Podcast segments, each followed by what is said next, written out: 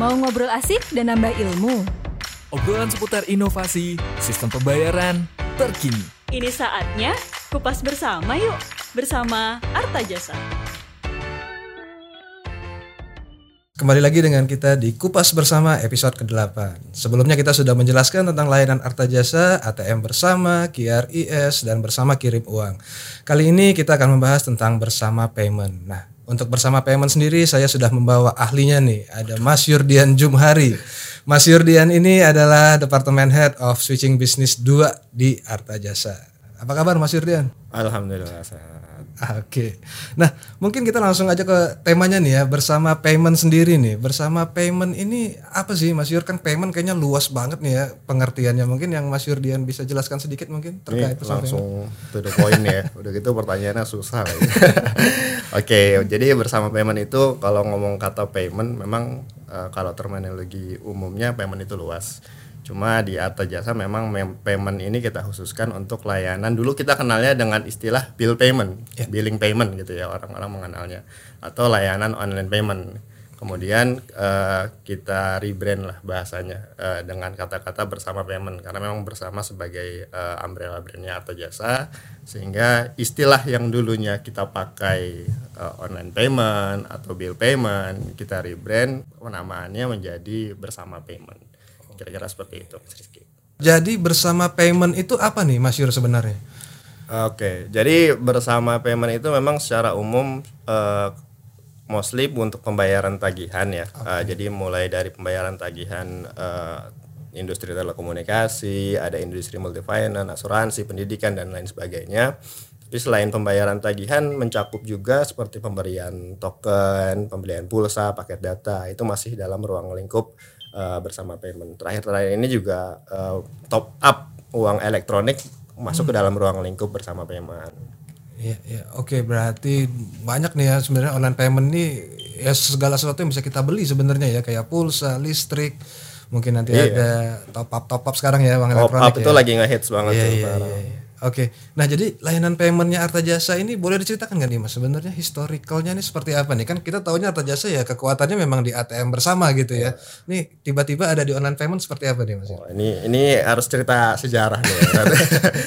ya, eh, jadi memang kalau eh, layanan payment ini dilatar belakangi dengan kebutuhan kita nyebutnya di payment billing provider biller penerbit tagihan.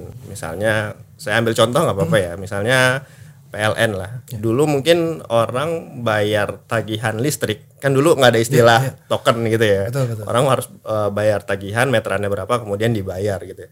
Dulu orang-orang masih bayarnya mungkin PLN harus buka-buka cabang tuh di setiap daerah atau di setiap eh, cabang-cabang itu dia harus buka eh, loket gitu lah ya untuk kita datengin. Nah, itu kan buat si biller tadi eh, menanggung kos yang cukup tinggi gitu harus buka loket di setiap daerah untuk melayani nasabahnya atau melayani customernya.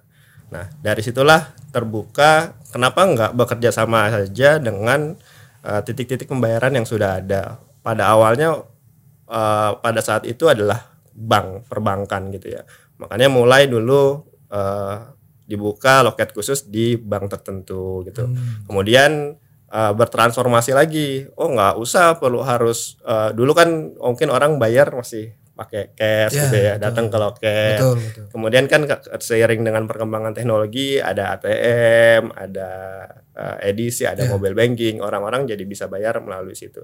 Jadi dilatar belakangi dengan kebutuhan biller melayani customernya, kemudian dicarilah titik-titik pembayaran yang kita sebutnya nanti namanya collecting agent. Titik-titik pembayaran di mana itu bisa dari perbankan, bisa dari sekarang udah berjamur nih ada uh, modern retail, ada e-commerce yang bisa jadi titik pembayaran. Modern retail ini contohnya apa nih Mas Yur kalau? Uh, modern retail contohnya kayak uh, Indomart, Alfamart, PT Pos itu. Oke, berarti itu yang sudah transaksi-transaksi yang masih cash ya harusnya ya. masih cash. Uh, Tapi kayaknya ada aplikasi juga ya mereka ya, udah mulai sekarang ke arah sana ya. sudah mulai banyak aplikasi-aplikasi. Jadi selain nerima cash, mereka bisa juga nerima melalui imani money juga. Oke, jadi sebenarnya peran Arta Jasa ini membantu atau mungkin menyerap ya aspirasi dari masyarakat-masyarakat yang membutuhkan bantuan nih gitu ya. Iya. Untuk pembayarannya lebih mudah. Kayaknya zaman dulu ya orang tua saya sih ya. Orang tua saya kayaknya masih nyari loket-loket pos agen-agen pos atau yang lainnya gitu ya. Jadi Iya. kalau sekarang bisa ke mana-mana bisa bank bisa Saya masih ngalamin tahun berapa ya? 2004 atau 2005 itu pembayaran cicilan motor waktu itu ya. Oh, saya harus datengin eh, gerainya gitu. Iya, Di mana itu? Dari rumah yang makan waktu 30 sampai 40 menit gitu ya kan. Udah gitu ngantri, Ngantri, parkir, aduh itu cukup memang eh, buat customer ya dalam sudut pandang customer itu cukup makan waktu. Sekarang kita dimudahkan bahkan dari sini pun saya bayar tagihan bisa dari handphone. gitu. Iya betul betul Itulah eh, perkembangan teknologinya.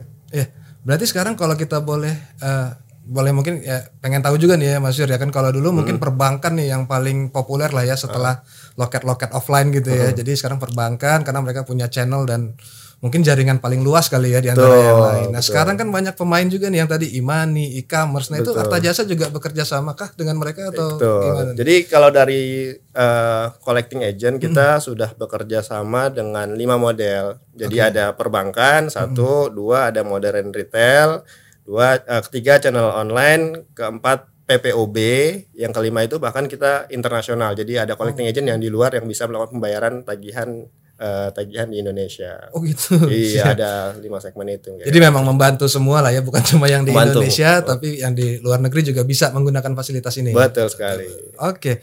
Nah, berarti sebenarnya tadi Arta Jasa udah cukup lama nih Mas Yur eh, eh, bermain di dunia online payment ini ya berarti ya. Ah, Itu sebenarnya peran besarnya berarti apa nih? Apakah kita memang mungkin ya membuka loket, apakah kita menciptakan aplikasi atau kita sebagai pemain-pemain di mananya nih gitu ya. iya. Heeh. Oh, jadi perannya Arta Jasa eh, kembali ke tugas Arta Jasa sebagai switching ya, namanya juga switcher. Eh, jadi ketika ada biller tadi PLN, saya pengen melayani customer saya di perbankan, di titik modern retail, di PPOB.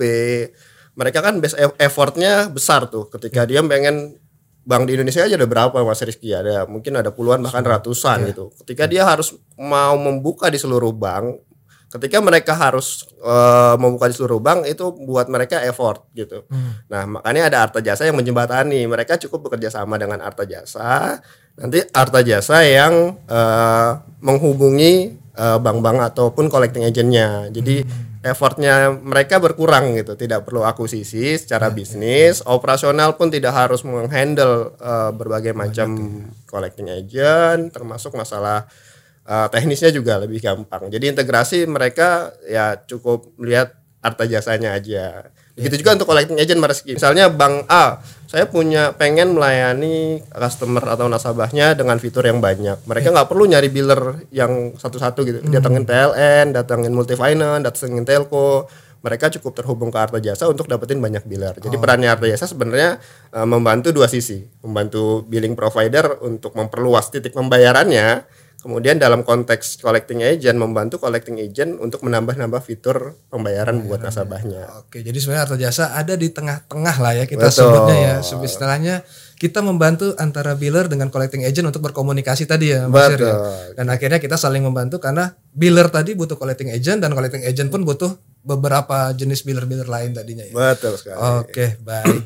Berarti memang eh ya peran Arta Jasa ada di sisi sana ada di switching gitu ya. Nah, sebenarnya sekarang kalau kita lihat dengan banyak tadi tadi kata Mas Yur ada lima gitu ya, ada lima tipe. Nah, tren sekarang nih di mana sih Mas Yur pembayaran yang mungkin lagi hype-hype-nya atau lagi rame-ramenya gitu ya? Oke, Eh, memang belakangan ya, belakangan yang eh, sedang trennya naik adalah channel-channel modern, seperti di eh, e-commerce, eh, di channel online lah. Channel online itu terdiri dari ada e-commerce, ada eh, e-money, jadi aplikasi-aplikasi seperti Gojek, OVO, Link Aja dan lain sebagainya itu lagi mulai tumbuh, Mas Rizky Oke. eh, belakangan ini. Sebelum itu e-commerce di Tokopedia, di eh, Shopee dan teman-temannya itu mulai tumbuh. Tapi eh, sebenarnya tren tumbuh ini tidak menghilangkan orang Indonesia yang masih suka bayar cash, Mas Rizky. Oh, masih Jadi ada masih ya, banyak masih orang yang bayar di Indomaret, Alfamart dan PT Pos itu masih ada.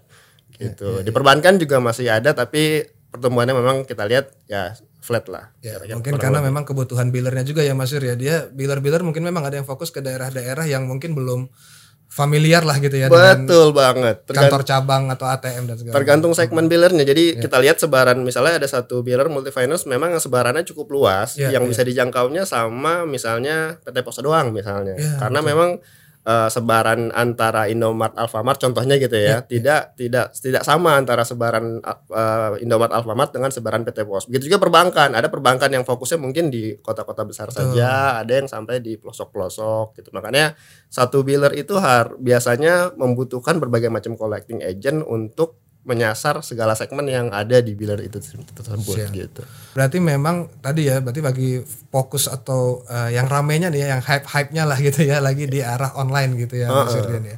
Nah, ini kan sebenarnya berbeda nih Mas Ir kalau saya yang saya tangkap gitu ya. Maksudnya dengan ada perbankan, terus nanti ada yang kayak PT Pos atau yang tadi yang eh, cash basis gitu ya. Terus nanti ada yang online lagi. Ini kan berbeda-beda nih caranya nih.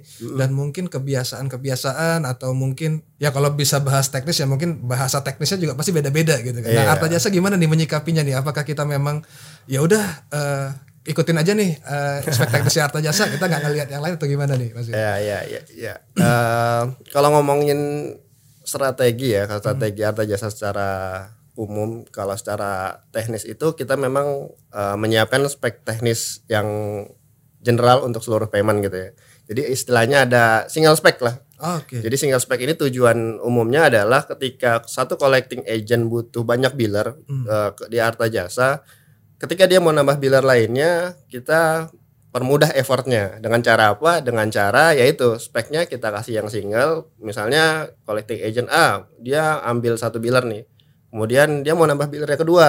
Nah ketika dia mau nambah biller kedua, minimal sekali effortnya di sisi collecting agent kita siapkan yang single spec. Jadi jadi itu kira-kira mas Rizky. Oke, berarti kita menyesuaikan juga sebenarnya dengan perubahan tadi ya, perubahan-perubahan yang ada terjadi di, di Iya. dunia pembayaran lah gitu ya. Dulu awal mulanya kita familiarnya sama ISO kan. Ya, betul, Sampai sekarang betul, pun sebenarnya masih ada ISO. Cuma Ya. kita ngikuti perkembangan zaman eh, ISO mulai ke ke sini ke sini memang mulai sedikit eh, tidak terlalu diminati lah. Ya. Apalagi dengan channel-channel baru seperti online itu imani itu mungkin udah pakai eh, format yang lebih simpel lah dalam tanda artian. Berarti memang Arta Jasa sudah mempersiapkan itu juga lah ya. Kita siapkan ke arah sana. mempermudah tadi collecting agent juga membantu dan ya jadinya biller-biller yang mungkin udah agak-agak ya dari zaman dulu kali ya yang udah cukup besar namanya gitu. Jadi mereka juga bisa buka di tempat-tempat yang lagi populer saat ini gitu Betul ya. betul betul. Oke, Be Friends, jadi kita sudah mendapat gambaran tentang online payment dan khususnya bersama payment Arta Jasa sudah disampaikan dan dijelaskan oleh Mas Yurdian. Nah, untuk pembahasan selanjutnya kita akan lanjut dalam part kedua setelah ini.